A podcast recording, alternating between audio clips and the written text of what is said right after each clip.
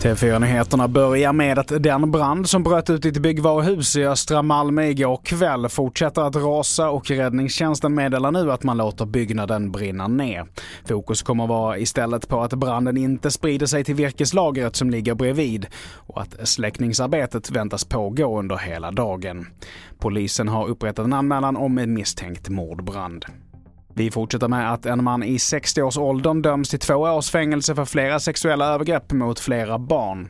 Mannen tog kontakt med flickor över internet och tvingade dem att posera och utföra sexuella handlingar framför kameran. Flickorna var mellan 8 och 14 år gamla och bosatta i olika delar av landet när brotten begicks medan mannen är bosatt i Tierps kommun. Mannen döms nu för bland annat försök till våldtäkt mot barn och barnpornografibrott. Så till sist, just nu så pågår årets licensjakt på säl och hittills så har 165 djur skjutits.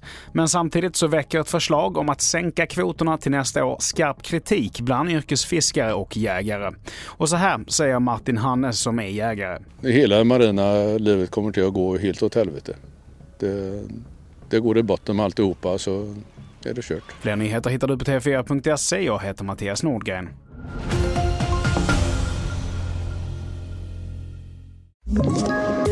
Poddtips från Podplay.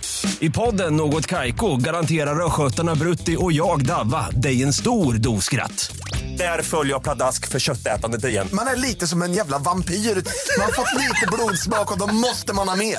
Udda spaningar, fängslande anekdoter och en och annan arg rant.